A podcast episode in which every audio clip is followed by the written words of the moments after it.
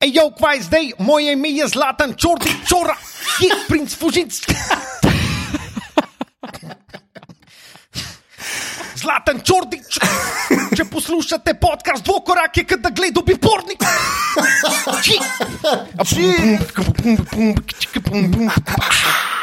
Zlatan Čordič, čora, princ Fužinc, je, hvala. Zlatko se je javil v podcast dvokorak. Pripričan sem, da bo to uh, gospod Zlatko tudi slišal, ker če ne drugega, mu bo naš uh, prijatelj, uh, topli, pri ne topli prijatelj. Dober prijatelj, sem hotel. Naš uh, dober prijatelj, Matic, Matic Kremžar, ki tudi skrbi za naš. A si hotel kaj povedati, mogoče? Kakšno razkritje? Ne, ne, ne. ne, ne. Hotel sem reči sam. Uh, A warm friend, kako bi rekel, a veš, eh, tako je tak, Ja, eh, točno to on je pa, topla oseba. Nisem hotel pa reči topli prijatelj v Ja, ja. takšnem smislu, kot ste vi razumeli. Ja. Definitivno bo to ja, eh, naš Matic Kremžer, ki je tudi poskrbel za naše fotke, to um, um, Podelil. pokazal zlatko, to ali pa tudi, tudi če ne, no se vseeno, ker bo najbrž nas. Najbrž nas bo potem zasovražil in nas hotel prefukati. Uh, v vsakem primeru, uh, podcast epizoda številka 35. Dobrodošli, drage dame in gospodje, v podcast Dvokorak. Matija Kosmač, Tilen Lamut, Luka Štucin. Lepo zdrav iz karantene in seveda, tako kot ponavadi, bomo začeli z našimi čustvi, malo se bomo pogovarjali, kaj se nam dogaja, kako premagujemo vse te ovire življenjske um, in kaj delamo, da nas nihče ne more zaustaviti v našem življenju. Uh, tako da bom kar predal besedo najprej, najprej devatilen. Uh, glede na to, da si ti morda človek, ki ima celo več dela, kot takrat, ko je v službi, uh, kaj pa počneš? Luka, je zanimivo, ne? si rekel, kako premagujemo ovire, ne? ampak imamo zdaj dejansko več ali manj ovir? Ne? Če malo filozofsko pogledamo na to zadevo. ne. O, ti, si, ti si doma, Tip, tip ga je vprašal, Matko, kako že je. globok diha, kada v lihkar rodil, zdaj je v osmem mestu, pa pa pa. Tip ga je vprašal, kako je, pa kako premaguje ovire. On, pa če pogledamo z filozofskega vidika. Dobro, Zdaj, takole, tako. eh, takole, ne, če, če pogledamo, če pogledamo Oh, bolj shit. filozofskega vidika, ne, eh, bi lahko rekli, ne, po Marksu, ne, takole, O, wow, tole je bil pa slabo Žižek. Ja, to je pa. Slavoj, ne, ki je povedal. V by the way, ne, Slavoja sem po, poslušal a, 14 dni nazaj v eni oddaji za Val 202 pogovor in moram reči zelo, zelo dobro. Priporočam vsebino. Uh, da se vrnem na svojo filozofsko teorijo. Ne. Luka, le ti si doma in dejansko ne smeš nikamor drugam iti. In kaj je zdaj tvoja ovira sploh v lifeu? Kaj ti Ja, ne moreš? se pojavljajo eksistencialna vprašanja zdaj. Ne? Kaj početi, Ja. kaj početi, ko bo tega konec? Kako, kako se Prepričan prebiti skozi sem- to težavno obdobje? Ja, ja, prepričan sem, da Luka boš našel rešitev. Ne? Naj pa zdaj uh, odgovorim na tvoje vprašanje, kako sem. Dobro sem. Uh, vesel, da, vesel, da sem zdrav in Zelo lahko delujem. prepričljivo je bilo. to. Poln entuzijazma. a me bo ta vidva pustila, Marija, da povem enkrat do konca nekaj. Ajde, ajde, ajde. ajde. Dobro sem, sem zdrav, vesel, da lahko delam, ampak mi pa počasi več ni tukaj prav, koliko moram delati, res. Stari imam dela več, kot pa na nekaj obi, v nekih običajnih časih, gremo reči. In to mi malo moriži počasi. No? Uh, sem pa vesel, da pač imam delo in da mi ni dolg čas, niti malo. To je taka pozitivna stran. Ne? Je pa pol minus, da, ah, da je pa tega dela res dost in uh, imam manj časa za neke stvari, ki sem upal, da jih bom naredil. Ne? Zdaj v tem času karantene, ko pač imaš, uh, ne smeš iti zvečer ven, ali pa niti nimaš iti kam ven na pijačo s prijatelji, naprimer, ne. Sem mislil, da bom kakšne druge stvari počel, naprimer se lotil uh, dokončanja svoje magistrske naloge, pa mi to iz dneva v dan bolj beži. Ali pa recimo obnovitve vodne napeljave v svojem stanovanju. A, tole pa bom uh, še nekoliko prihranil. Tole pa Matija. eno basiko noter, Luka basi spustil, pa ne gre več dol. Ne?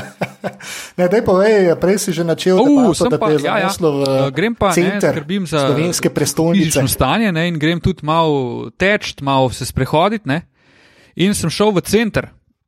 In moram reči, da, je, da se splača. No, pa ne, da bi zdaj nagovarjal, da pejte vsi, ampak ob priliki pa je kar posebna izkušnja. No, iti v center. Uh, Ker ni nikogar, pa pa tudi dva kafičev ni, pa ni niti mis zunaj razstavljenih in si tam na Petkovšku in ni nikjer ničesar in vidiš, koliko je dejansko ta uh, ploščad velika in zanimivo. No?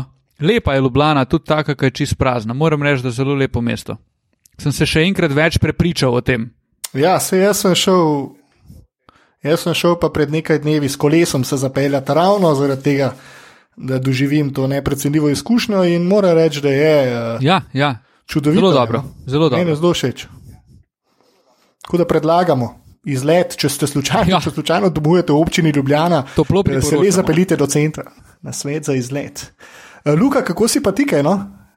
Dej povej, no? Kako se dobro slišimo, Luka? Ej. Luka, fenomenalno se slišimo. Mogoče eh, bi bilo smiselno, da vklopiš svojo zvočno napravo. Ker, eh, Zdaj, zvok, Luka, za sam ga- podcast bi bilo to zelo dobro. Ja, drugače pa Matija, kako pa tikaj? Luka, mal, Luki je malce prekipelo. Mislim, da še kar ni čisto resno vzel najo, ampak ja, da bom jaz uskočil med tem, No, ko dej, čakamo poleg, na. na... poleg prijetnega izleta s kolesom v centru Ljubljane, kaj še počneš v teh karantenskih dnevih? Ej, ja, tako kot si prej rekel, ne, res sva diametralno nasprotje midva. Jaz imam v tem obdobju veliko manj časa, veliko manj časa namenjam delu. Um, ker, pač, ker so pač takšne razmere, uh, in ga pa veliko več zapravljam tako ali drugače. Netflix je v zadnjem obdobju Prioriteta. uh, moj weapon of choice. Ja. In sicer imam prav, par priporočil za vse tiste, ki ste v podobni situaciji kot jaz. Um, in sicer uh, skupaj s Tilnom sem upal, da sva že pogledala drugo sezono Sunderlanda, Tilaj Daj, pa pravi Tilan, da še ni imel tega časa, jaz sem ga imel in moram reči, da sem navdušen, da sem v lanski sezoni popolnoma ignoriral, kaj se dogaja s Sunderlandom in da sem pol skozi ta dokumentarc, slash reality show doživljal uh, njihove uspone in pace in je fenomenalno. No. Res, tako kot je bila že prva sezona, ti Tilan veš, uh, je tudi druga res, res dobra. Sicer malo skozi malo drugačne oči, um, ampak vsem zelo, zelo kvalitetno izpeljano. No, pol. Um, sem pa v lovu na nove serije naletel na še eno podobno zadevo in sicer na leto oziroma sezono z ekipo Movistarja v uh, kolesarskem pelotonu. Zdaj ne vem, kako vaju zanima kolesarstvo, mene kar precej. Še posebej je bila lanska sezona zanimiva, zato ker je bil Rogla na vseh dirkah pri vrhu, zato ker je Pogačar eksplodiral um, in skozi so bili zraven tudi ravno ti kolesari Movistarja in kup je bilo ene. Uh, enih polemik, ne na zadnje, tudi na Velti v 19. etapi, ko je Roglič padel, pa ga Valverde ni čakal. In tako. In je, ne, meni je bilo v bistvu čuden, tam je ekipa 20 kolesarjev, recimo, in tako vmes delajo intervjuje, ne z njimi, pač ta Netflix crew. In oni čist javno kurcajo svoje, so, svoje sotekmovalce, tako epsko je. Ko pač veš, veš, da ni vse ok v ekipi, ki imajo recimo dva kapetana ne? in enemu ne gre, pa pol drug skoč, pa se pol ne ve, kdo vodi ekipo, pa pač menedžer noče biti preveč direkten, pa je tudi zelo pazljiv. In pol so tako ločeno intervjuji s Quintano, pa z Lando in kar une dva. Ja, ja, vse se ve, če dva ne sodelujeta, pol ne more tom kamer priti.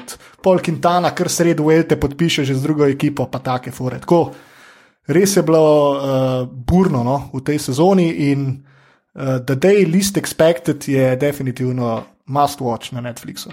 Wow. Ja, Tile si je že zapisal, Eh, medtem ko je Luka spet z nami, pozdravljen, Luka, kako A, si, kako gre. Luka, Živ, živ, kako živ. smo, kako je, kaj zdaj? Ja, dobro gre, malo je sonček, tako le veste, lep, le, lepi dnevi so se naredili, ne, tako da lahko gremo zdaj malo ven, sicer ne predaleč, ne iz meja svoje občine.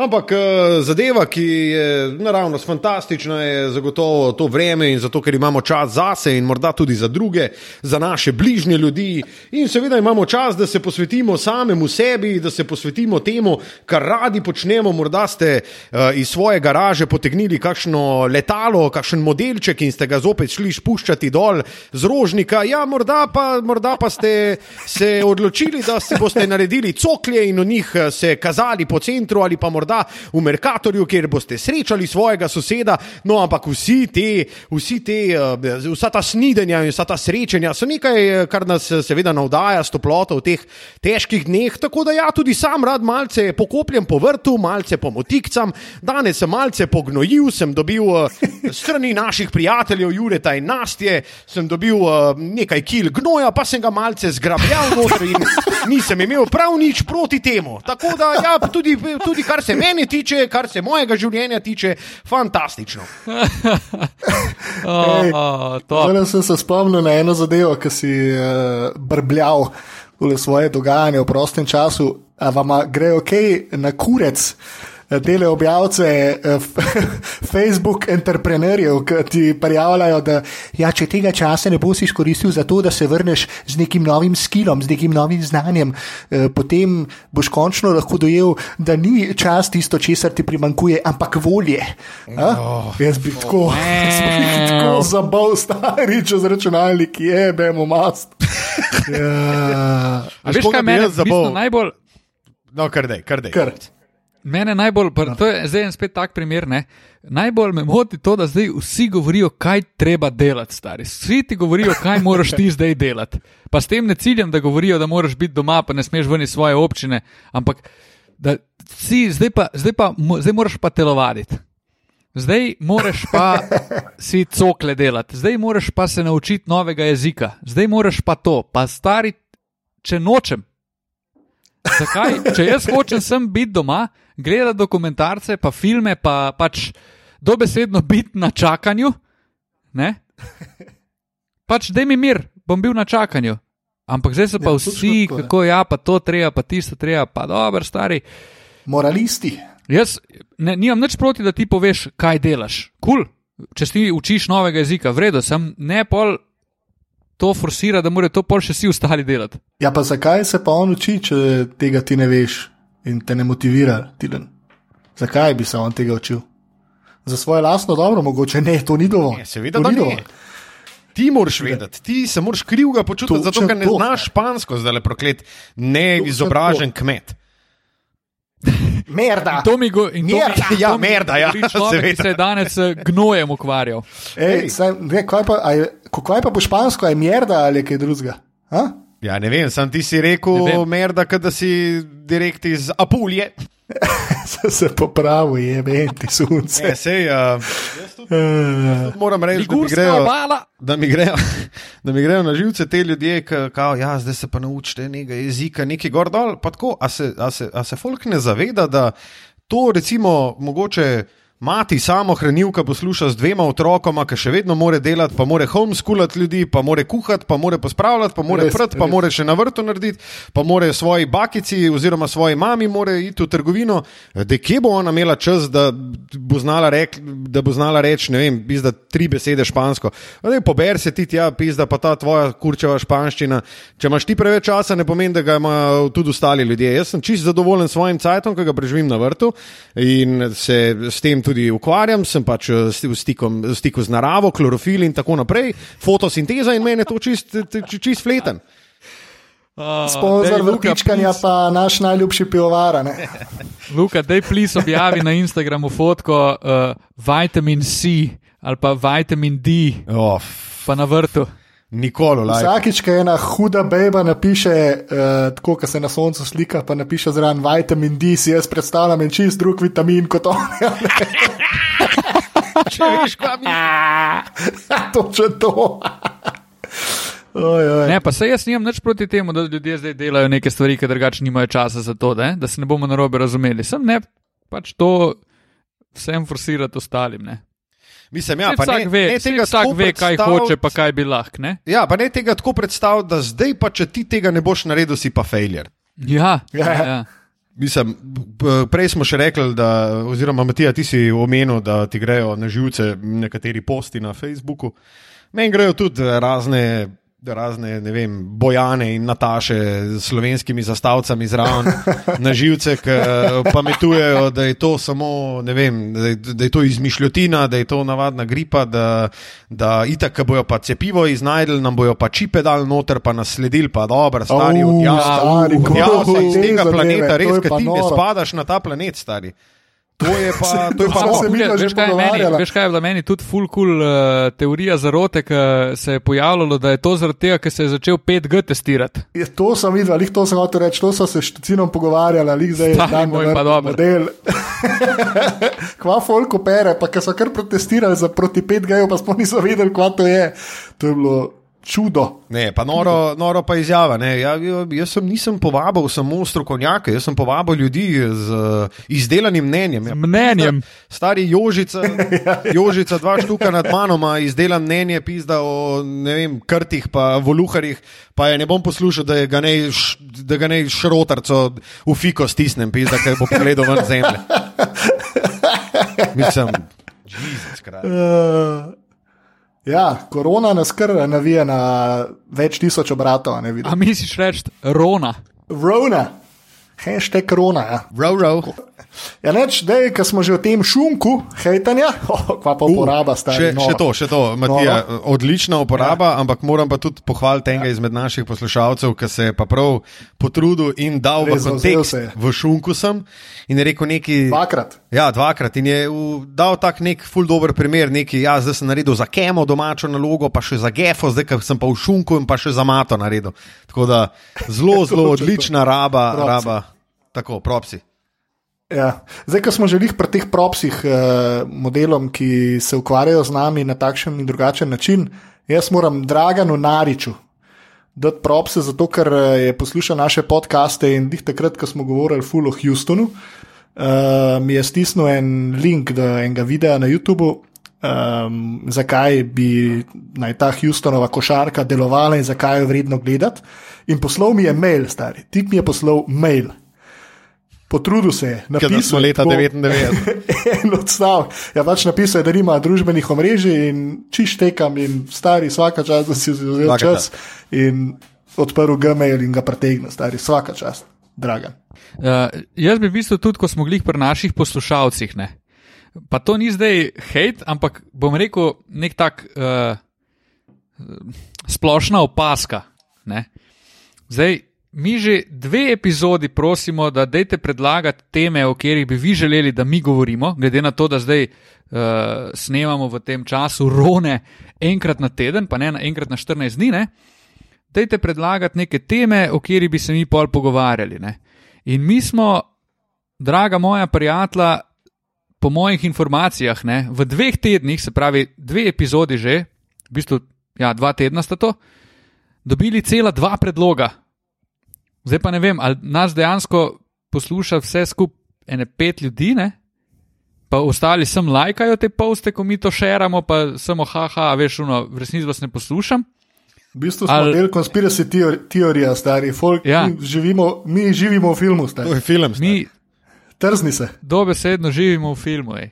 Mislim, skratka, dejte, dejte predlagati. No, to, je, to je lepa priložnost, da odpremo številne teme, za katere v nekih normalnih okoliščinah najbrž ne bi uh, imeli priložnosti jih odpreti. Je pa res, da sem se glih kaj zavel, da delam to, kar sem prej hejtal. Ne? Zdaj govorim ljudem, kaj naj delajo. Ja, v Tako je. bistvu. Tako da, pardon, No. ampak dejte vseeno, kaj predlagati. Ja. Top. Uh, ne, Uh, ja, pa- cool, to je bil v bistvu pa- že tvoj hate ko- kot. Ah, ja, Kot. Mačji kot, krdej. Uh, ne, hotel sem sam omeniti, da je lahko to, seveda, tudi uh, tale apel Tilna, dober razlog, da si tudi vi malo kratko, kratkočasite in napišete kaj. Obenem sem pa hotel nekaj povedati in uh, v tem času, ko sem govoril ta stavek uh, in sem afirmiral Tilnovo, uh, Tilnovo izjavo, Si sem pa pozabil, lagano lagano. pozabil, kaj sem hotel povedati. Tako da, Matija, pardon, ker nadaljuj in uh, zapelji nas.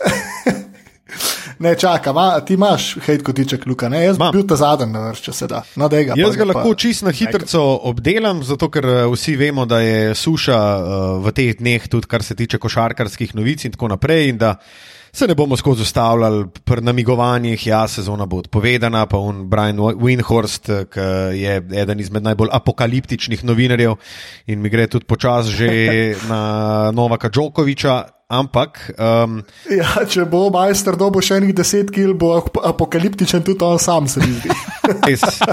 On je kar konkreten možakar. Je, je. del skočil tihi ocean, pa sam tsunami na japonskem. Ne, se je hit. Ne, Wow. ne, sem tudi malo adipozen, pa odebeljen, pa nis, nisem hotel. nič.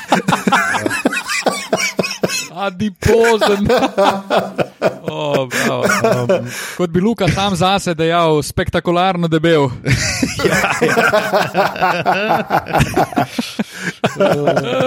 Um, ja, kar sem hotel v bistvu reči, oziroma pohejtati, je samo v bistvu ena opaska. Je, no? In sicer eh, na Bleacher Reportu sem, mislim, da dva dni nazaj opazil.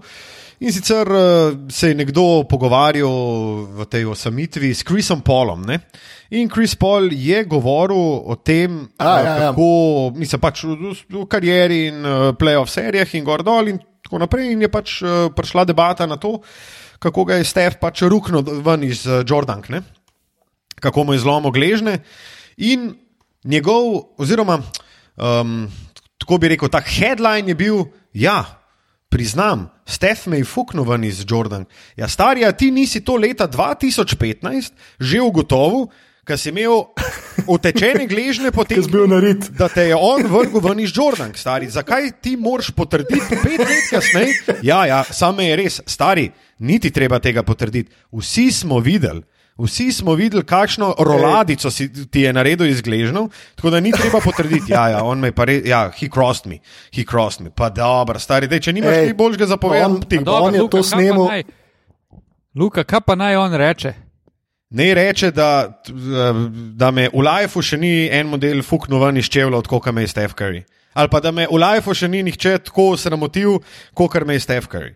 Okay, Mislim, da bo sam iskren, ne pa ja, priznam, me je. Dejno, pa dobro, okay. Stari. No. Jaz, jaz sem zdaj um, v klopu in sicer zato, ker sem poslušal ravno danes ta podcast. To je All the Smoke, ki ima ta Matt Barnes pa Steven Jackson.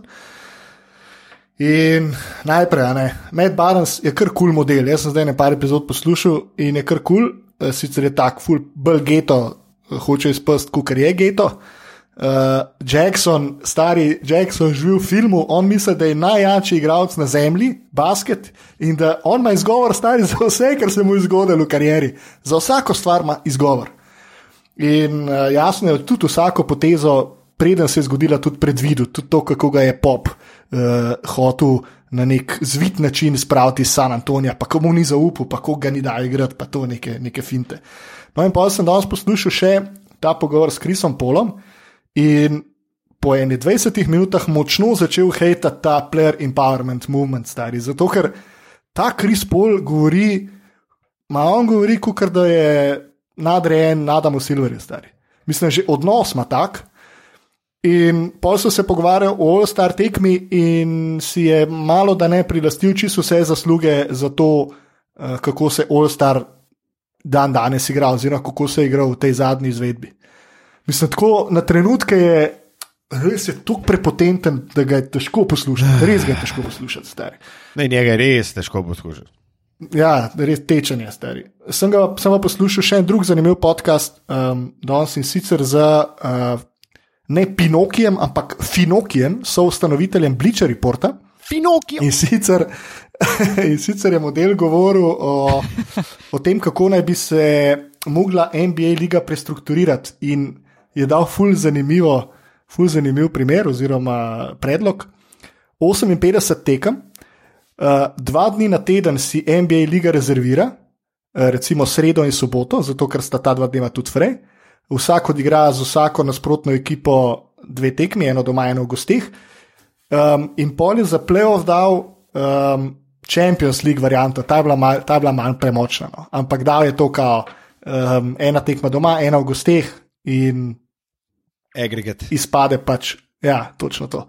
Ampak ta ideja, ki jo je Ful dobro utemeljil, uh, ta ideja o rednem delu sezone z 58 tekmami, je pa to kležitjo podprl z enimi konkretnimi razlogi, da jaz sploh ne vidim razloga, zakaj, ne bi, zakaj se ne bi tako tudi odvijalo v prihodnje. In sicer, mislim, tako ena čist najbolj um, osnovna je ta, da bi basket, ki ga gledamo vsak dan, ali pa bi ga gledali dvakrat na teden, bi končno neki pomenil, stari.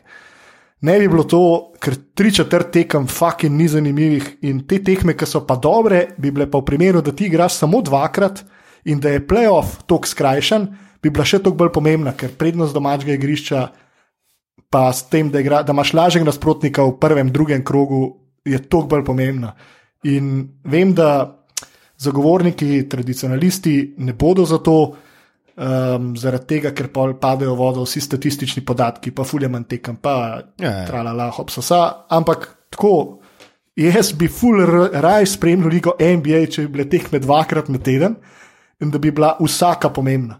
To bi bilo ja. meni noro. Ja, to ima, recimo, dosti podoben ima eh, Liga NFL, ne? v bistvu ima, mislim, da. 16 krogov. Ja, tako, pa oni imajo sobota, nedelja, ponedeljek imajo tekme in uh, ostal, ostalo je pa pač noč. Um, Vergel. No, pa kar sem hotel še povedati, je to, da recimo na ta način, ne, agregat pač pike, kolikor si jih dal, štejejo tudi pač pike ja. V gosteh, to je bila pač Euroliga pred to. Uh, ja. Pred tem podjetjem, ki ga To je bil poznamo. korač, Tako, zdaj je to ja. Champions League. Ne? Tako je. Ja. In meni se je takrat tudi, vem, da sem smel to Olimpijo spremljal, pa ko so bili v Koračevem pokalu in tako naprej, in ko so bili v, um, tudi pač eh, prvaki takrat proti Augresu, oziroma zdaj proti Ceramiki, se spomnim, koliko koliko je bilo to tudi um playoff, koliko je bilo to noro gledati. Ker ti si vedel, da vsak koš v drugem polčasu je noro pomemben. Ti si vedel, da ja. Če so oni na minus sedem, pa da ti moraš priti na minus tri, si vedel, da če je nekdo dal dva prosta meta, v tretji četrtini sta bila mega pomembna prosta meta, zato ker si vedel, da to za sabo prenese momentum, to je to, motivacijo, energijo. In če si ti pač štiri pike blizu, pa rabaš, ne vem, prijeti na minus dve ali pa se kakorkoli, se, se pa zmišljujem.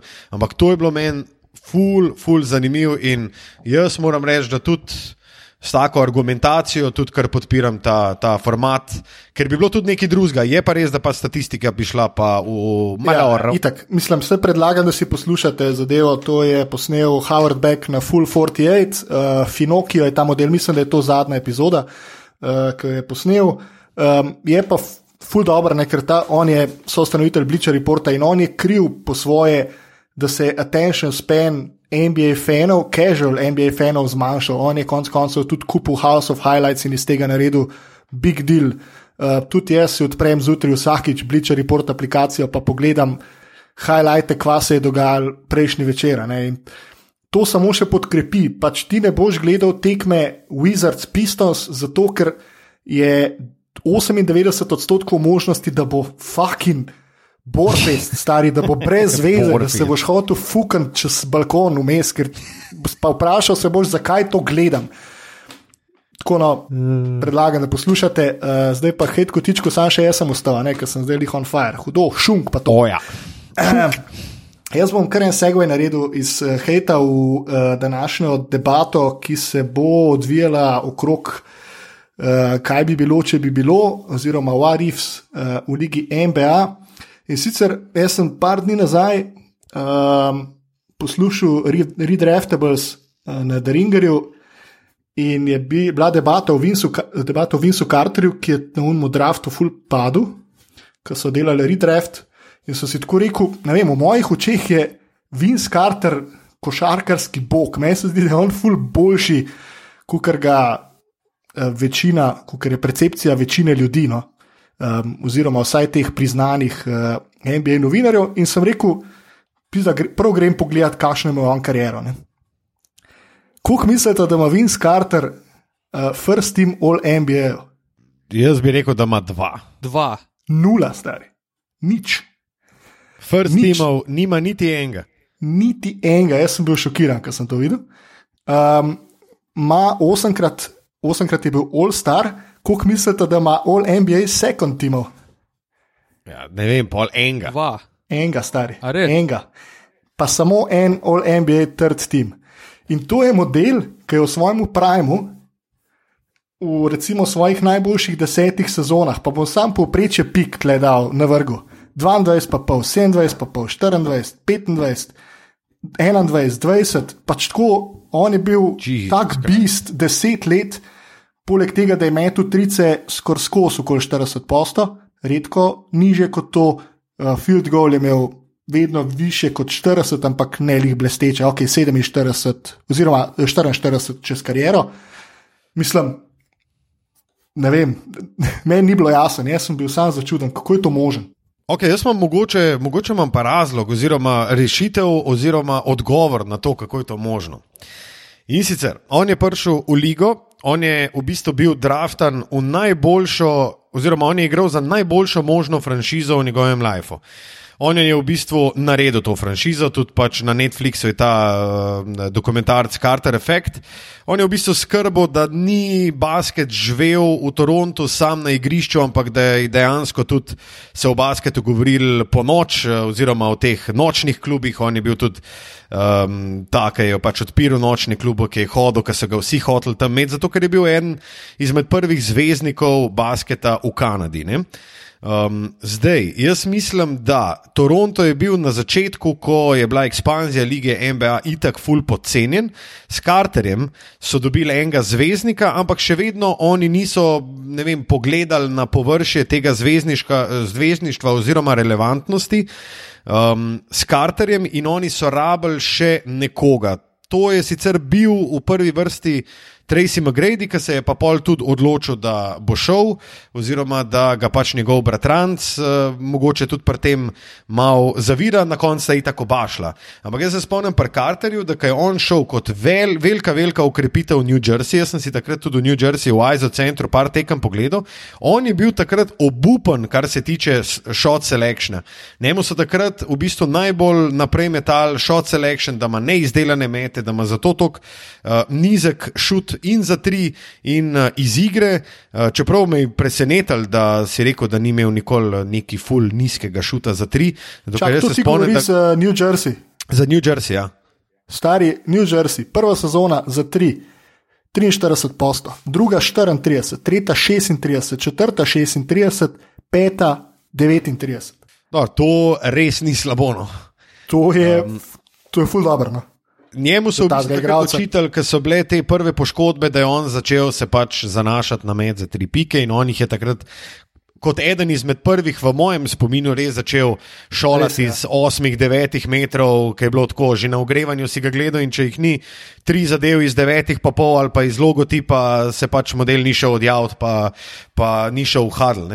Mogoče zaradi tega, ker on, ki je šel v New Jersey, ni bil na pravem mestu v pravem času. On je takrat imel še zmeri Jasona Kida, pa Richarda Jeffersona zraven in ni mogel tok pikati, kot bi, če bi mogoče ostal v Torontu, pa z njim prišel dejansko čez prvo, drugo rundo. No, mogoče zaradi tega ni bil nikoli. Um, nikoli to, kar prišel, je tako, kar bi lahko bil. V bistvu je po mojem njega ubilo to, kar se je zgodilo v Torontu. Ne?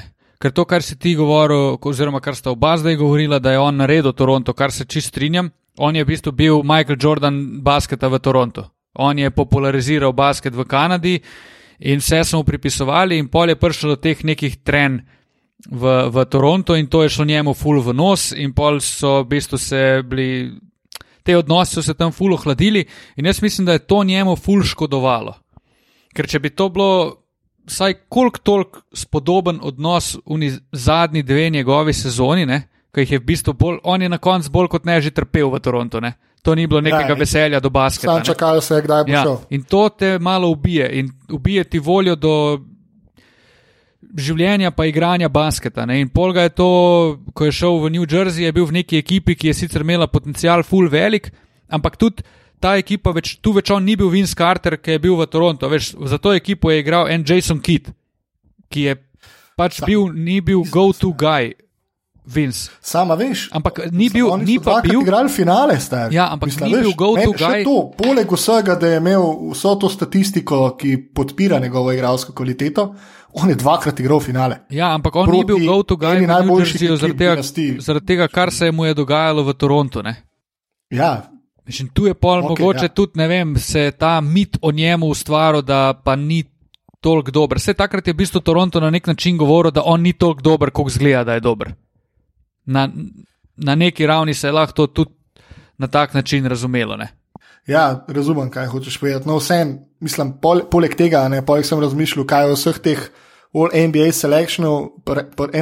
selectionih on je imel tudi kar neki smole. Ne. Igro je v istem primu kot ja, Kobe Bryant, ja. igro je v istem primu kot Ellen Iverson, pol se je strgal še Tracy McGrady in v bistvu na njegovem položaju je bil skozi en noro dober. Ja, in to je bila taka konkurenca, ki pa tudi, a veš, ti pa ko s Kobijem, pa takrat, ko je bil Kobi pol, ne vem, trikrat zapored prvak in ni tako največja zvezda lige skoraj da poleg Šeka, ne, je enostavno težko kogarkoli prek Kobija zbratne ali pa Iversona v končni fazi, če ga šteješ Ja. kot dvojko, ne. Sam meni je bil, meni je bil Vince v New Jerseyju kar, kar žval, no, meni je bil hud. Tako ene par njegovih kucov iz tega obdobja mi je, mi je all time best. Um, tako da, nač, sam presenečen sem bil, ko sem to videl. Um, bi pa se takoj navezal in sicer je že omenil Luka um, na situacijo, ki so jo imeli v Torontu in sicer so draftali uh, Vinca in pa še Tracyja. In to je ta Warif, ki sem se ga jaz spomnil, uh, kaj bi bilo, če bi ta dva, sploh glede na to, da sta še v sorodu, ne, pa sta še malo bolj navezana, verjetno ena drugega, da bi tam ostala nekih pet let, oziroma vsaj do teh prvih let svojega prajma. ne. Meni se zdi, da v unem obdobju, ki je bilo kar dosti dobrih centrov, pa tudi kar dosti solidnih plejev. Ne vem, no, meni se ful ne zdi težko sestaviti ekipe, ki je bila ležit kontender v unem obdobju, samo z njima. Uh, dober vativ, če, če, če lahko uh, tako le dodam, ampak jaz mogoče mislim, da Toronto ne bi z njima nič naredil, ampak iz, izključno iz tega vidika, zato ker bi Carter zadušil Magredija. Magredi je mogel iti takrat v Orlando, da je, če lahko tako rečem, razprl svoja krila in da je dobil te žoge, ki jih je hotel. Zato, ker prej jih pač ni, ni jih dobil, zato ker Carter je bil prvo ime in on, mislim, da tudi Magredi ni bil pripravljen narediti. Narediti tega, da re, reče, ok, jaz sem drugi igralec. Ne, No, on ne, je, ne. mislim, Magredi je imel eden, on je eden izmed košarkarjev, ki je imel največji napadalni potencial, ki ga je sicer v parih sezonah pokazal, pa ga je pol Hrbec fuku. Ampak Magredi, če bi on bil zdrav, 15 let, pa smo spet na Watif. Ne? On ja. Bi bil scoring champ, ne, ne pri Orlandu, ampak on bi bil scoring champ tudi pri Houstonu z Jao Mingom.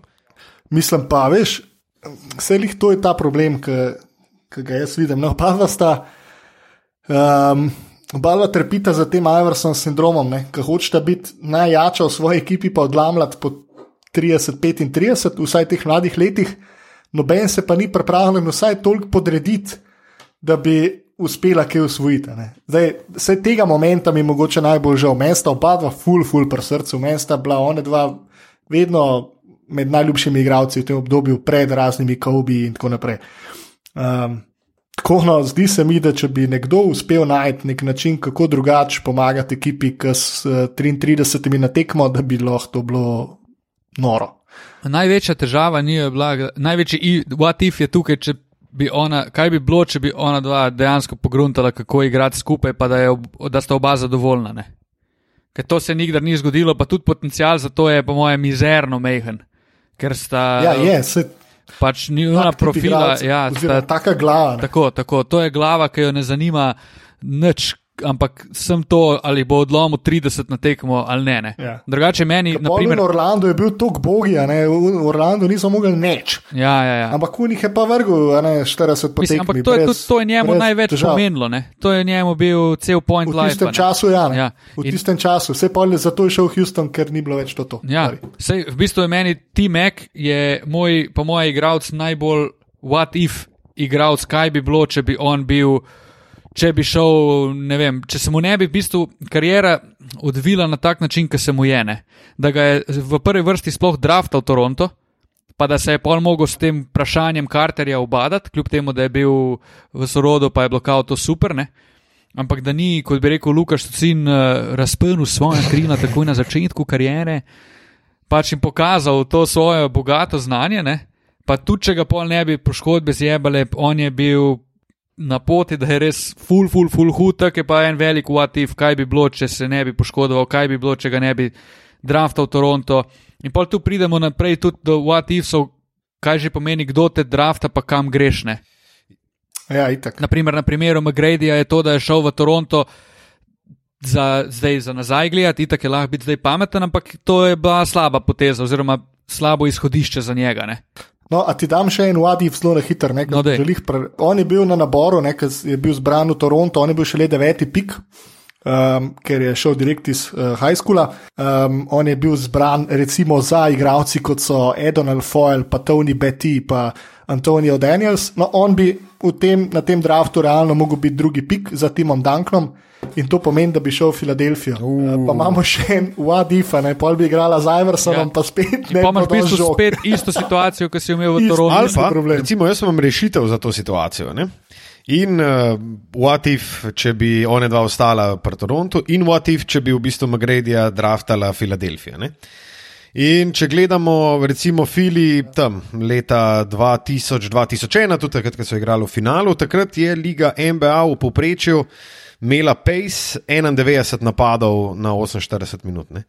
Jaz mislim, da bi Iverson Uh, in uh, McGrady, ter seveda uh, McGrady in Carter, one dva bi bila recimo v današnjem NBA-ju, ki je pa 10 napadov več na tekmo, ki je pa pace 100,2 napada na, oziroma c- 100,2 napada na tekmo, one dva bi si pa takrat lahko razdelila žogo, pa vsak bi lahko dobil unih par metrov, tako da bi bilo ful zanimivo, recimo, če bi um, bil tak spacing, če bi bilo tok napadov, če bi bila taka dinamika v igri, kako bi se takrat, uh, kako bi se takrat one, oni eh, lahko razumeli. V bistvu- Ampak mislim, da bi to šlo, to bi, to bi bilo nekaj tok hudega.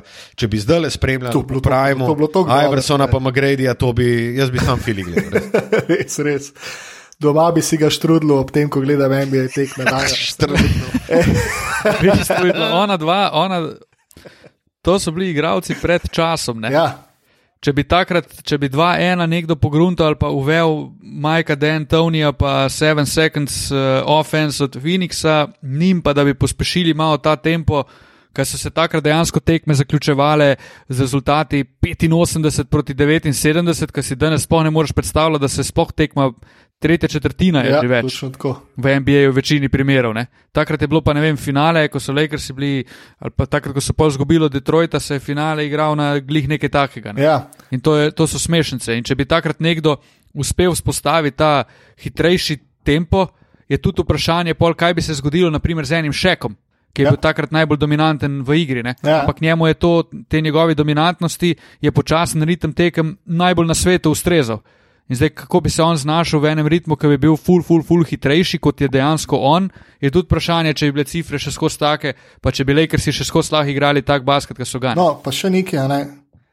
Dej, recimo Tracy McGrady v svoji sezoni, ko je imel naj, največjo vlogo v ekipi, oziroma ki je porabil največ žog, je še vedno 15. all-time stari. Se pravi, za recimo Westbrookom, Kazinsom, Hardnom, Antonijem, pa to, mislim, to za par procentov tako. Ja. A veš, ti fanti so bili žogo, dosti bolj. Jaz mislim, da so imeli na nek način celo več skila. No? Dost, on je rabo dosti manj časa, tudi, da, da, da, da je prišel do prodora, da je prišel do šuta. Jaz njega bolj, dosti bolj rejtam kot Jamesa Hardna, recimo, kljub temu, da sta zelo podobna igralca. V smislu, da rabta žogo, pa morata zabijati pike. Ne? Sam to Harden počne na enega najbolj dolgočasnih načinov na svetu, Tracy je bil pa, to je bilo pa električno, ker je on dobil žogo, to je bil dva jab stepa, on je takoj videl, kje, je- kje, kje, kje, kje obramba na robe stoji in gotovo, zaključeno. Tracy je bil bogne. Ja. Škoda, ker No. res nikoli ni prišel prek uh, prve runde playoffa, razen takrat, uh, ki je bil pri uh, San Antoniju, ne? pa so še takrat pol puhnili. ne. Ja. Uh, ok, uh, zdaj, če se lahko jaz sem le pridružim na What If, pa se zadržimo še malo v tistih časih. In sicer uh, eden izmed Evo. najbolj pogost, pogosto uporabljenih What Ifov je, a bi Bulsi usvojili osem zaporednih naslovov, če se MJ ne bi upokojil in šel v Junior League Baseball igrati, pa tam klofa tu ne žogce prefuknjene, kakorkoli.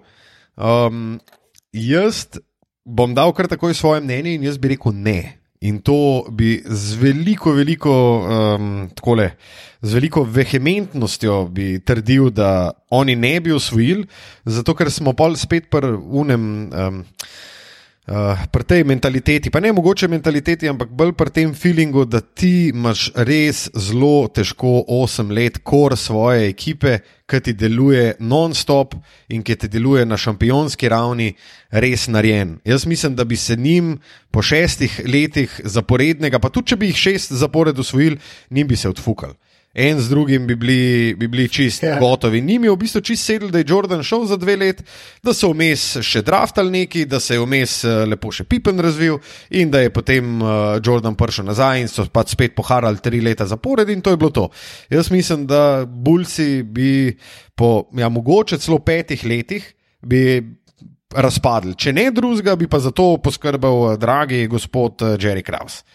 Jaz se definitivno strinjam Absolutno, ne bi skoraj rekel, se strinjam z Luka tvojim mnenjem. Zaradi tega, ker ti si že trikrat, zdaj, naprimer, ok, Bulsi so bili dvakrat, trikrat prvaki, ne?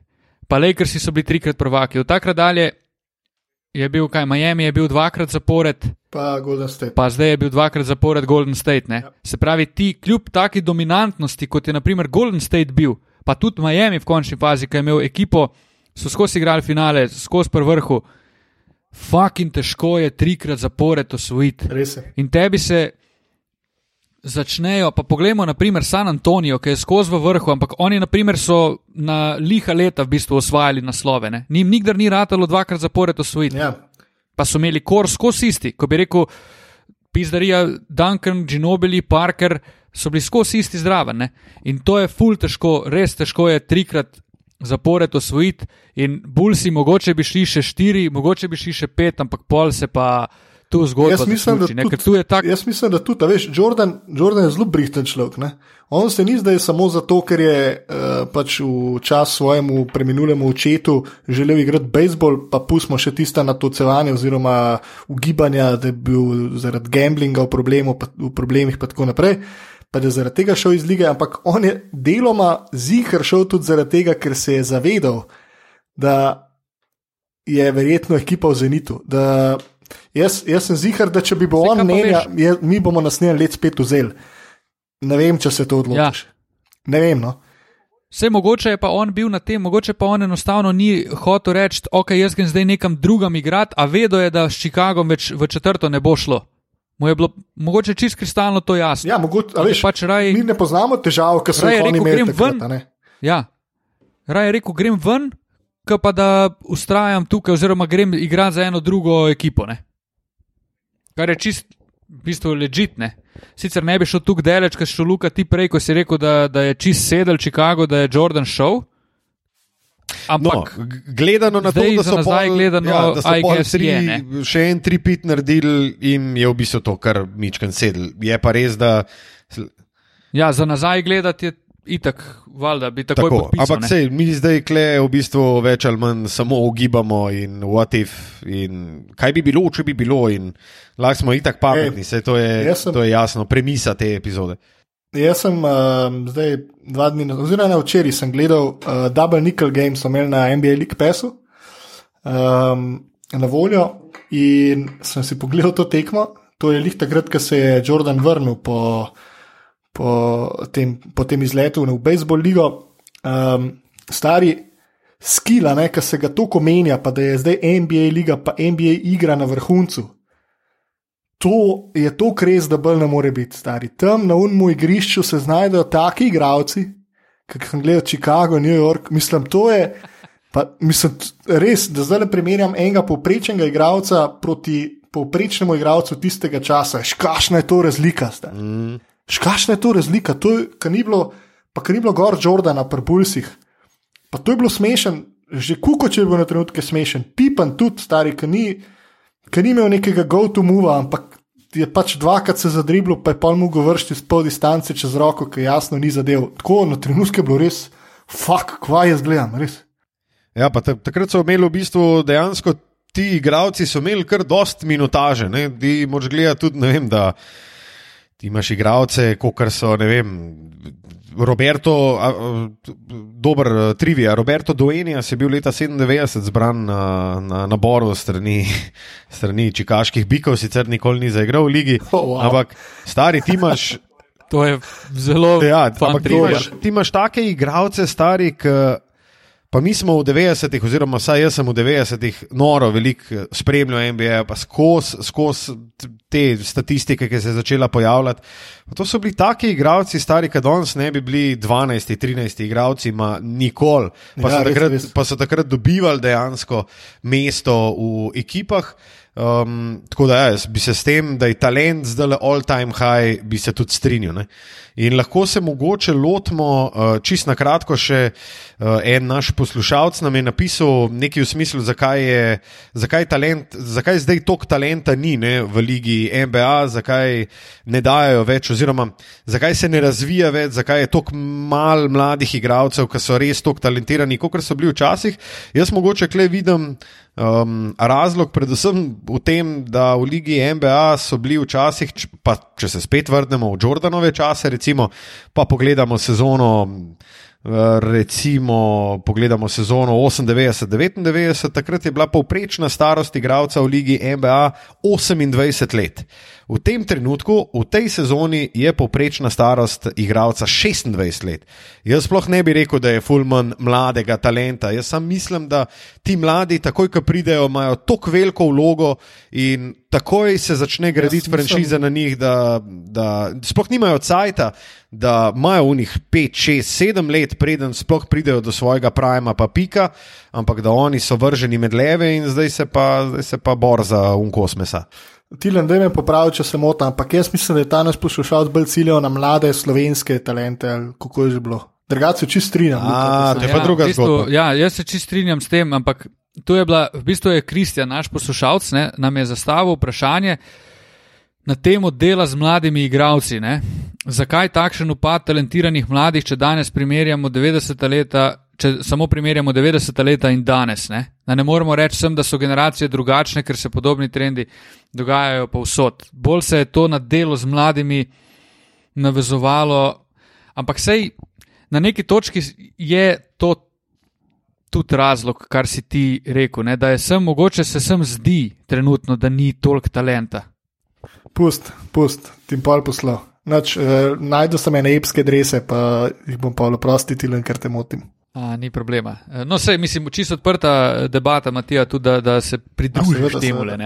Uh, ker po mojem niti ni tukaj manj talenta. Mo mogoče je ta, ta fama, da smo zdaj skozi na več na igrah, pa uh, na računalnikih, pa da se ne igra več toliko, ampak to je v bistvu bolj vprašanje. Work ethic, ne? se pravi, kako imaš ti delovno etiko, ne pa kako imaš ti talent. Ker lahko je nekdo full, full talentiran, ampak pač tega nikdar ne bo izkoristil, zaradi tega, ker ni pripravljen delati. In tu je, naprimer, navezava na te luke, ki si rekel, da so te fanti uh, vrženi pač v morje in zdaj ali splavajo ali pa ne. ne. Se pravi, ti si, gremo reči, da si ti talentiran do konca srednje šole, lahko govorimo o talentu, pa o, ajde, prvi letnik faksa. Pohaj si pa ti zbran v ligo NBA in takrat ti več nimaš, če si top 5 pik, ti več nimaš pravice biti talentiran, ampak moraš biti takoj nosilc franšize. Če imaš srečo, prideš v ekipo, kjer te postopoma v bistvu vzgajajo, pa te uvajajo prve, gremo reči temu, tri sezone, pa se pol tretje ali pa četrto leto šele začnejo tebe nekaj dejansko pričakovati. Ne? Ker tu pol pride, kokrat vidimo neizdelane igralce, ko prihajajo iz, uh, iz koledža v NBA in tu pol pride v igro ta delovna etika, a je dejansko nekdo pripravljen se potruditi za to, da bo uspel med profiči v, neki od, v nekem odraslem basketu, ali pa v, če primerjamo evropski, gremo reči članski basket. Pa se enemu talentiranemu mladincu ponudi prilika, da igra, ne vem, Abu Leigo ali pa Eurocup ali pa tudi Euroligo. Ne? Zdaj pa, je on pripravljen delati za to, ali se bo on enostavno zadovoljil s tem, da je pri 19 letih zašpilo v Euroligi za en Bayern in mu bo to dost. In pol se bo njegova zgodba hitro začela zaključevati, oziroma bo ostal v neki po, nekem povprečju, ker enostavno ne bo delal, da bi ta svoj talent razvijal Ja, mislim, jaz bi se tle še za eno stvar priključil. Zdaj, to verjetno dosti leti na una leta Olimpije, veš, ko vsak let sta ena dva igralca preletela ven iz generacije, Ja. ki sta bila nora, ne, tam nekje do Ožbolta, recimo, da, da je to šlo.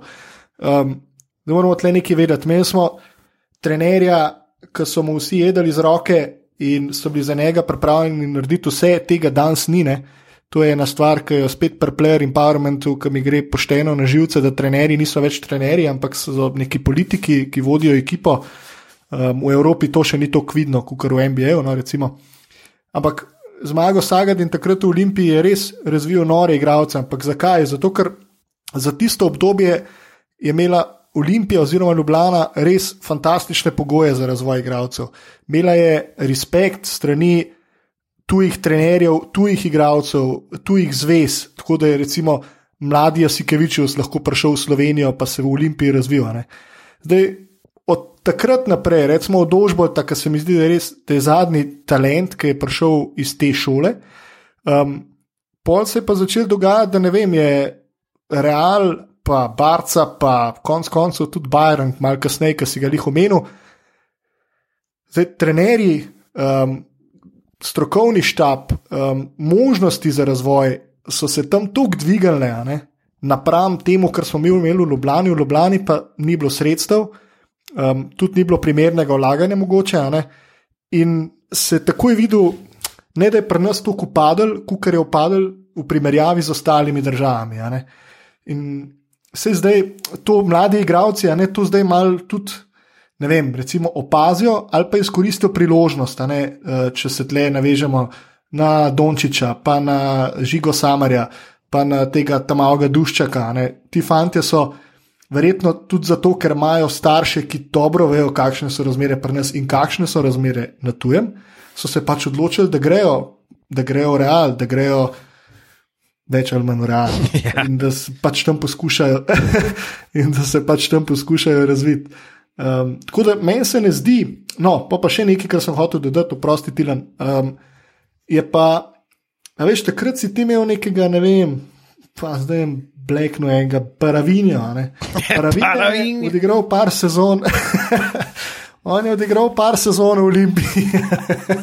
kako si se, ko me čakam nadaljevanje te zgodbe, ker kako pa ti zdaj na Miloša, paravinjo, spomnim mi pa ni jasno. Ne, pa se pravi, ker neki sem prbal. Ampak recimo, ne, en Miloš paravinja je 20 let nazaj, ne? ali pa 25. On je dobil šanso v Olimpiji. In on je par let v Olimpiji tudi ostal, on je par let igral na visokem nivoju, on je imel par igralcev, ki so bili od njega dosti bolj izkušeni in jih je poslušal.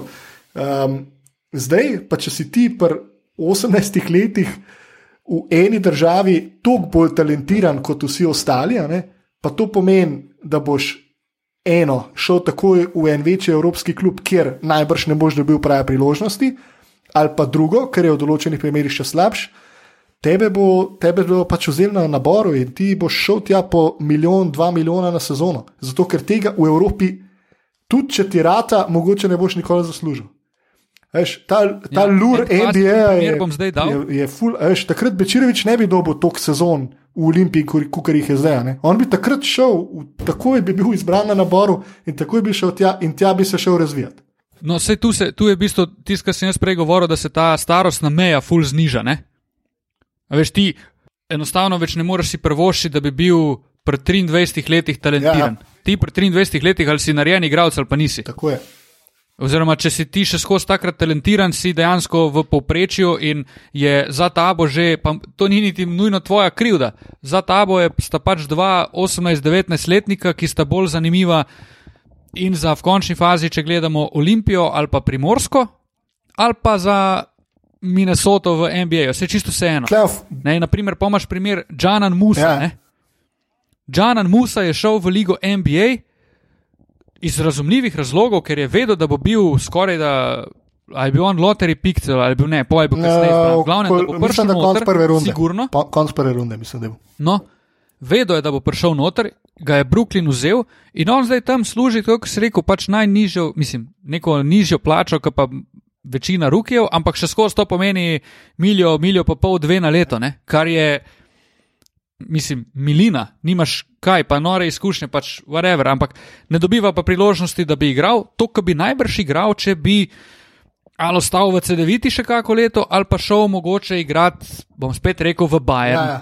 Ne, in bi v Bayernu dobil še pod nekim dobrim strokovnim vodstvom, ki bi mu zaupalo uh, eh, 25 minut na tekmo, na njegovi priljubljeni poziciji, pa njegovo igro, bi mogoče on bil čez dve leti spet pripravljen iti na draft, pa bil zbran, ne vem, deseti. Ja. Lej, Veš, ampak pač si tega ne more privoščiti. par dobrih primerov sem se spomnil. ne. Za tis, zato, ker si rekel, ti pri 23 letih ne moreš biti več samo talentiran. Manučar Markovišvili, pa majster je bil talentiran do 27 ja, leta stari. Pa še kaj, pa vrača se v Olimpijo, veš. Pomaš, Pa še dan danes je. pomaš enega Isuf Sanon, ki je sam na podlagi svojega potencijala igral noro veliko v Uni Olimpiji leto ali dve leti nazaj. A veš, zdaj ja, pa tam, ja, ja. Pizda, tam v Ukrajini je nek povprečen igralec. Ne bi rekel, da neki stopa, pa stari, ma, Azo imaš, kje igra, jaz ne vem. v glavnem, a Veš, tam mogo ti zdaj trgati 40 potekmi, če si ti misliš ustvariti neko kariero. A Veš, pa imaš Mislim pa, če si ti tudi bil res tak Ja. potencial, ne. Pa imaš pa še ene zanimive primere, ne recimo uh, Bojan Bogdanovič, ki je zdaj uh, znan kot Babo Bereta in Hara po lige NBA. Ne? On je šel, meni se zdi, pri 16 v, v Real, če se ne motim. Ful zgodaj, tega, tega ful folka ne ve, ne? ampak mislim, da skoraj ni bil edini, Niha Džedovič je drug primer. A veš, to je, bila, to je bil pa že ta vala. Ne? Zdaj jaz sem dober, pri 15-16 in grem takoj v Real. In pol tam ni bilo nič, in pol je bil on neki posojen, in ne vem kaj. In pol se je mogel majster vrniti v Cibono pred 20 leti, ki je bil že 4 Tako, leta tako, zunaj, tako. stari, zato da si je na novo ustvaril kariero. ne. Zdaj to se takrat, v času Sagadina, recimo, v unih letih, se to ne bi zgodilo. Takrat bi Cibona zadržala, pa bo mogoče za njega zelo boljše, mogoče bi prej dosegel ta nivo, ki ga je dosegel pol kasneje. Um, pa še en primer, ki je pa recimo še en primer, kako se je dalo spet v unih letih, če si imel pa vse pošlihtano glavne, je pa Manu Dženobili, ki je pa šel, pa ostal v Euroligi še tri leta potem, ko je bil zbran na naboru, ne, pa ni, ni zbezlov, mu ni stopal v glavo, ampak je raj pobral Euroligo, postal najboljši igralec na stari celini, pa pol šel naprej, tega manj, ne, te, te glave ni več. Tako to glavo je imel na zadnje, No, Bogdan Bogdanovič, da je tako naredil. Ja, jaz, jaz na primer, uh, ful cenim te igralce, ki so zbrani, pa, osta, pa rečejo, v bistvu uh, so tukaj samo zadostni, da rečejo, jaz bom ostal v Evropi zavestno še sezono ali pa dve in pol šel v NBA. Ne? To, kar je Bogi, na primer, naredil. In to se mi zdi ful dobro. Jaz ne vem, kako vidva gledata na to, pa mogoče zanimivo vprašanje, ampak mene malo moti ta. Uh, Ta hitrost, oziroma preuranjenost črpanja teh talentov. Ja, itak. Jaz, na primer, sem full zagovornik tega, da, da se iz srednje šole v NBA-ju ne more iti direkt na draft. To, če me vprašaš, je edino, edino pravilno. Ja, In da gre na, na količ in da vsaj eno leto tam odigra, čeprav vsi vemo, da dobesedno pride uno eno leto odigrati na Dio. pravilno iz tega vidika, ne, da ti fanti nimajo glave in da dobro vejo um, v NBA-ju, čeprav se zna to spet vrniti, ne to pravilo, da greš lahko iz uh, srednje šole ven. Ampak oni dobro vejo, kaj pomeni agent. Ja. Ja. Veš, agent vid, agent Ja, vid itak. procent. Ne. Itak. Sej tebe, sej ti v bistvu, sej tu prihajamo sem do tega, kdaj je igralca lažje prodati, oziroma kdaj ga ti boljše prodaš. A ti lahko nekoga boljš prodaš pri 18 letih kot norega talenta, kljub temu, da v resnici mogoče Jusuf Sanon to ni, ampak ga je nekdo prodal in Jusuf Sanon je bil fucking zbran na NBA draftu, stari. stari. In ga je nekdo prodal pri 17-18 letih kot takega. Zdaj, če bi pa oni počakali, oziroma če bi un rekel, ja, ne, ima še potencial, dajmo ga počakati dve leti, pa ga bomo pol prodali, pa bi zdaj ga prodajal iz Azovmaša v Astano, mogoče za drugo ekipo. Ne? Se pravi, bi se sam sebe bi nategnil. Ne? Ja. In sem to je ta škoda, da se to dogaja, ne? da več se ne, da, ne daje prostora pa časa za nek tak naravni napredek igralcem. Ne? Naprimer, kot GM v NBA-ju bi jaz full na draftu bil pozoren na igralce, ki niso. Ki so mogoče hačajo potencial, ampak niso v prvem planu po teh uh, draft kombinih, Ja, ja, ja. ja. kakorkoli, ne, po teh analitikih, ker so pač več let že na koledžu. To ne pomeni, to mogoče, da so bolj pripravljeni na ig- na igrati v ligi NBA, zaradi tega, ker so v glavi bolj zreli, pa še skozi govorimo o letu ali pa dveh razlikah. Ja. Ja. Naprimer, Paul George je bil tri leta na faksu, naprimer, ne? pa je pol prišel v NBA, pa so takrat vsi govorili, da je mogoče Indijana naredila dobro, ker je vzela izkušenega, ampak a je on mogoče že preveč, pazi, preveč izkušen, oziroma a je predolgo čakal, da Ja, je šel v NBA. še- Pa zakaj je predolgo čakal? Pa čakal je do razvoj, ne? 21. leta. Ja, star. sej, le, Ja. ja. Malcolm Brogdon in tak primer. On je bil tri, kjer izbor je bil, ne, ni bil, on je bil v drugi rundi. Ne? Ja. Ne vem. On je bil, on je bil ful pozno zbran. No, evo, še en tak, ki so ga na podlagi potencijala so zbirali druge. Ne? Kljub temu, da si je bil on pa plug and play model. Sam- Sam da ga not pa. Če pa tako gledaš, Ja. ne, na podlagi potencijala Točno to. so pa, smo pa dobili ene par takih high schoolerjev, ki jih ne bomo več videli v življenju. Ne. Dobili smo MVP-a, NBA trenutno. Ja, recimo, pa ne. Samo Pa na prej podlagi smo se pogovarjali o Tracyju McGradyju. On je prišel iz high schoola. Sean Kemp, KG, Kobe, LeBron, Howard, konc koncev. Moses Malone je bil eden izmed prvih. Ne. In Ja.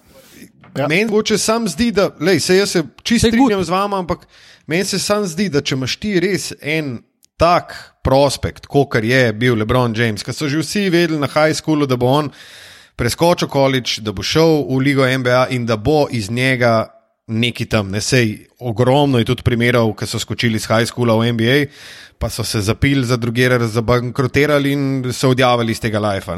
Ampak imaš pa tudi pol ene par takih cvetk, kot sta, ne vem, Kobe pa Lebron, ki sta pa šla iz high schoola, pa smo videli. Pa smo vedeli, da je Kobe, Kobe rabo ene par let, ne?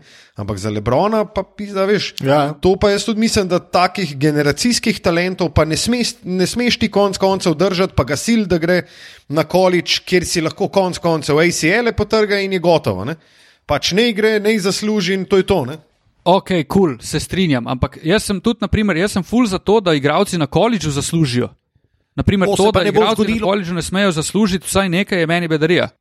Ja, itak. Ampak, kar če jaz, mislim, meni men je to, malo mi je bedno to, ja, dajmo, zdaj, če je tak talent. Ja, se pa imaš ti izoblikovan talent, vse za Luko Dončiča smo bili tudi, je nam bilo vse ja, vsem jasno, da je hud KPS in da pač se mora nekaj, tragedija se mora zgoditi, da njemu ne uspe. Isto velja za, ne vem, Lebron je še en tak učiten primer, ne.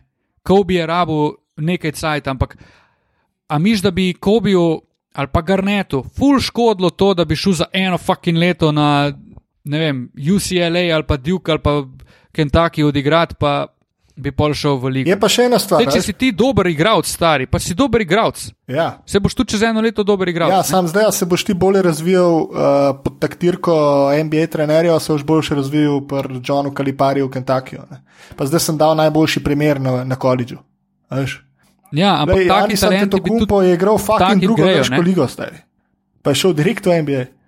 So, itak, vse so vedno izjeme, vse to je logično. Pa tudi Luka, te, te igravci, ki si ti govoril, zdaj, ki so prišli, v bistvu, dajmo si predstavljati ligo NBA zadnjih 20 let brez teh ljudi. Pač poden, sploh se ne moreš, ker so osvojili, po mojem, 80% naslovov te igravci, ki si jih ti naštel, pa so prišli direkt iz srednje šole. Ne?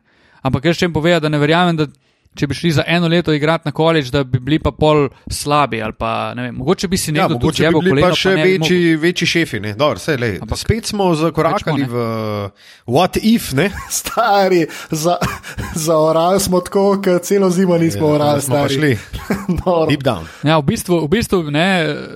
Za tole, eh, ko smo imeli ta eden izmed dveh predlogov ne, naših poslušalcev, o čem naj se pogovarjamo, ne, smo rekli, ma kaj se bomo o tem pogovarjali, zdaj pa na uri že konkretno. Ne. Ja, ja. Zdaj, če prav se spomnim, imam jaz še, uh, Ti si še. kaj bi bilo, če bi Tako, bilo. Tako, Ne. tako.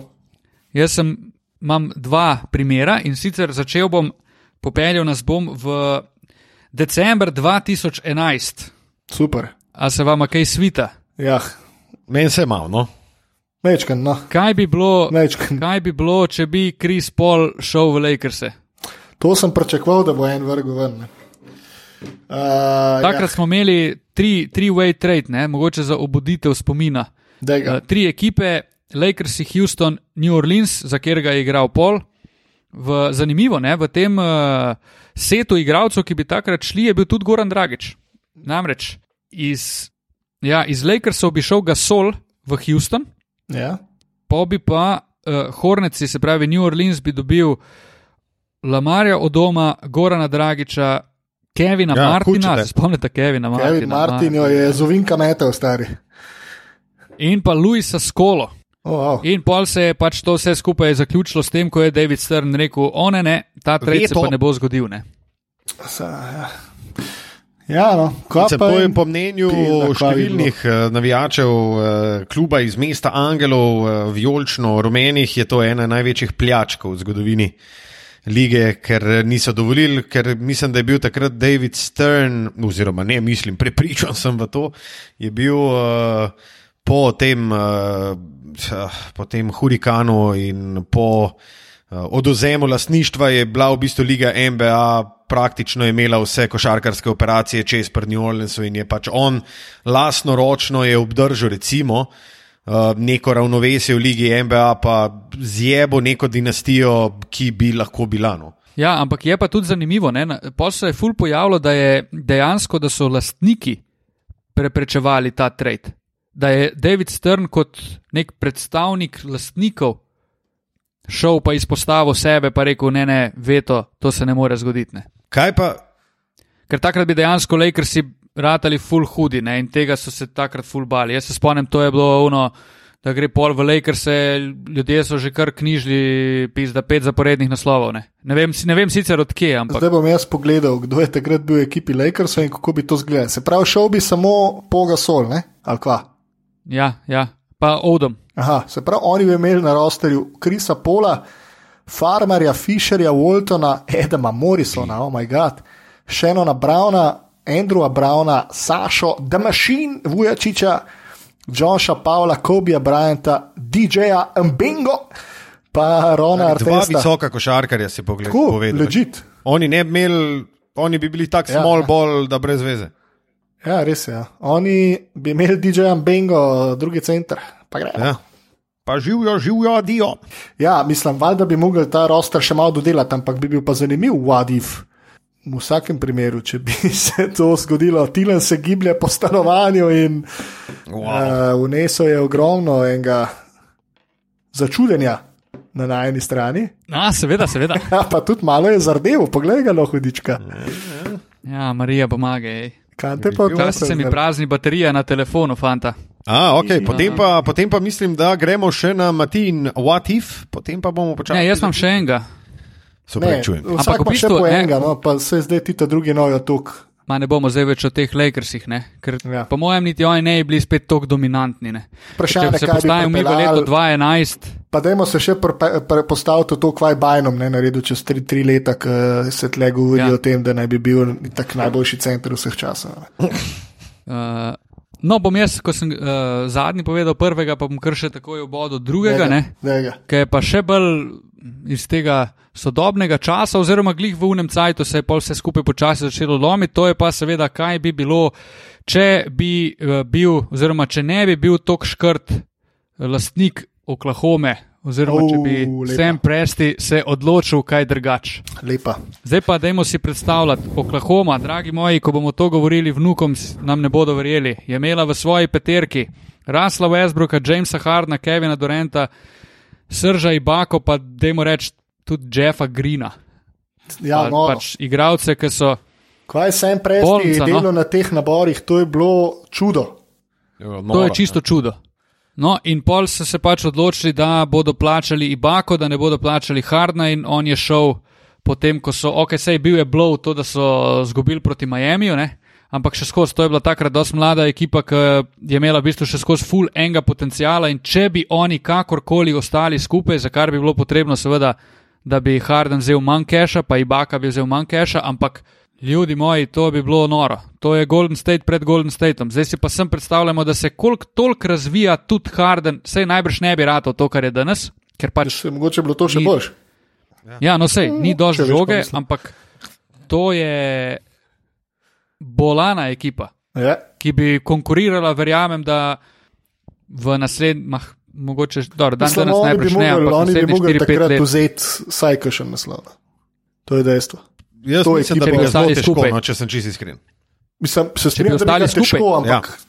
Mi ne smemo poz- pozabiti, da je takrat Miami imel Big 3, da je Miami takrat vzel pol še Reja Elena, da je bil San Antonijo takrat nor, 2-13, 2-14. No, takrat ne bi San Antonija zmagali, mojem, mislim, jaz bi rekel, da sigurno nekaj. To, kar je pa San Antonijo 2-14 delo, je bila pa. To No, vse pa to pravim. In lahko po se navežem na svoj what if. Kaj če na tisti šesti tekmi Ray Allen ne bi zadeval Oh. tiste tro, trojčke, pa bi Uh. San Antonijo 2-13 osvojil? Kaj Ali bi se pa takrat tem, zgodilo? če bi, če, če bi Genobili zabal proste ali pa Duncan. recimo, Ja, ali pa ne. Duncan pol na sedmi tekmi zadev une tri zicerje, ki jih je imel, pa jih je falo. Ne? No, dej povej, Tilen, kaj bi se zgodilo, če Ray Allen ne bi zadeval tiste tričke? povej. Moj live bi bil bolj beden. Pa jaz mislim, da bi se Miami kar hiter razpadel, ne, če bi dvakrat zapored uh, tri, štiri, pet, šest. Ja. In se pa je zgodil en naslov. kva? Ne, Beatles. oni bi takrat, Ja. ja. Ja, oni bi takrat uh, najprej izgubili pred Dallasom, zmagali Oklahoma, izgubili pred San Antonijo. Je pa res neki, da če San Antonijo ne bi izgubil 2-13 serije v sedmi tekmi, oni niti slučajno. Ali pa dor, niti slučajno. Jaz sem zelo prepričan, da Ne oni bi naslednji let Ne ne bi bi, ne bi usvojili. Ne bi. Zato, ker oni, kako so se pa takrat, 2014, posvetili, da bodo. Takrat se je pa čist vsak se je podredil, pustil ego pred vrati in rekel: Ok, dej, gremo te, te šupke. Oni so bili takrat šupke res Big na misiji. Ja, gremo jih razfukati s tako igro, ki nam bo Greg povedal, ki nam bo Pop povedal, kako jih lahko razfukamo in tako so jih razfukali. In to je bil, jaz sem to že doskrat rekel, ampak to je bil najlepši basket, ki sem ga jaz gledal v svojem življenju. Se popolnoma S strinjam. tem, se bom jaz, s tem se bom jaz tudi strinjal. To je bilo, mene je to sicer kar konkretno bolelo, ampak to je bila poezija od basketa, stari. Kaj se je pa takrat delalo na igrišču? Takrat je Miami dobesedno tekel za njimi po igrišču, gor pa dol, pa niso mogli nič. Po mojem so se dobro zavedali, pa si sem upali, da bo čim prej konc tega finala. Ker, mah, niso imeli, Miami je sem še vesel, lah, da je sem kuk dve tekmi so zgubili za 25, drugo pa je bilo znotraj 10, pa še to so lahko veseli, da so uno eno dobili, da ni bila, da ni bila metla, ali so celo dve dobili, se ne vem. Ne, eno so dobili. Ja. Demo, demolition čisti. S tem, da mi moramo vedeti, da je takrat Miami imel ne samo Big Three, ampak da je takrat še dejansko Judonis nekaj odigral, da je bil Rashard Lewis je bil tam, da je bil James, oni so Chris imeli par Anderson. dobrih šuterjev, Chris Anderson, Shane Battier, pizda, Michael Beasley, Mario Chalmers, Norris Cole. Oni so imeli dejansko dobro zgrajeno ekipo, ampak uni, mislim, ta San Antonijo 2014, kako so jih pa popapcali, je pa noro, res. Mislim, ja, čestitke celi, li- ce- celi ligi, da so takrat, uh, ko so se trije izmed top pet igralcev v ligi, ali pa je top deset, da ne pretiravam, zbrali skupaj, pa da so Ja. se jih ne, odločili dvakrat na luftati v tem obdobju, je, je meni noro in oba naslova uh, sta meni noro ljubano. Ja, tako. Jaz, bom, jaz bi rekel, jaz nočem nič vzeti stran Dallasu, ne? ampak takrat un naslov Dallasa je Miami bolj kot ne zmagal samega sebe, ker so bili pač prepotentni šupki. No, se zato mi je všeč. Ravno zaradi tega. No, sej, sej, mislim, ja. sej, jaz, jaz ne pravim, se meni je tudi to, da je Novitski bil prvak, pa da jih je takrat pošolo, je meni noro všeč. Sam je bila pa to tudi konkretna, konkretna šola in mogoče, mah, prav, da so izgubili takrat. Prav, da so izgubili, ker so, se, ker so postali boljši ljudje. Tako, tako. Oh, ne, se to je res, tam so kar dosti zrastali. Okay. Okay. Jaz bi rekel, da dejansko drži. Matija, še Um, tvoj zadnji. Star je bil New York tak sekret, kot je, če bi uh, v letu 2009 Steph Curry padel na osmo mesto in bi ga New York lahko zbral na naboru. U, to je pa nor, what if. Pa, pazi, pazi, jaz bi vaju sama, samo malo bi vaju spomnil na ta draft. No.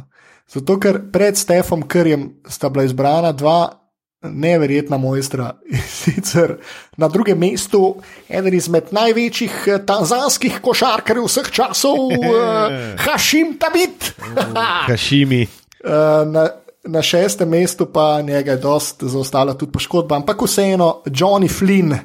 Uh, šesti Minnesota. pik, uh, medtem ko je bil četrti pik Ruki, Ru, Riki Rubio in uspeli so si nakopati kar neki organizatorjev igre v tistem naboru. Ja, super, super, bravo.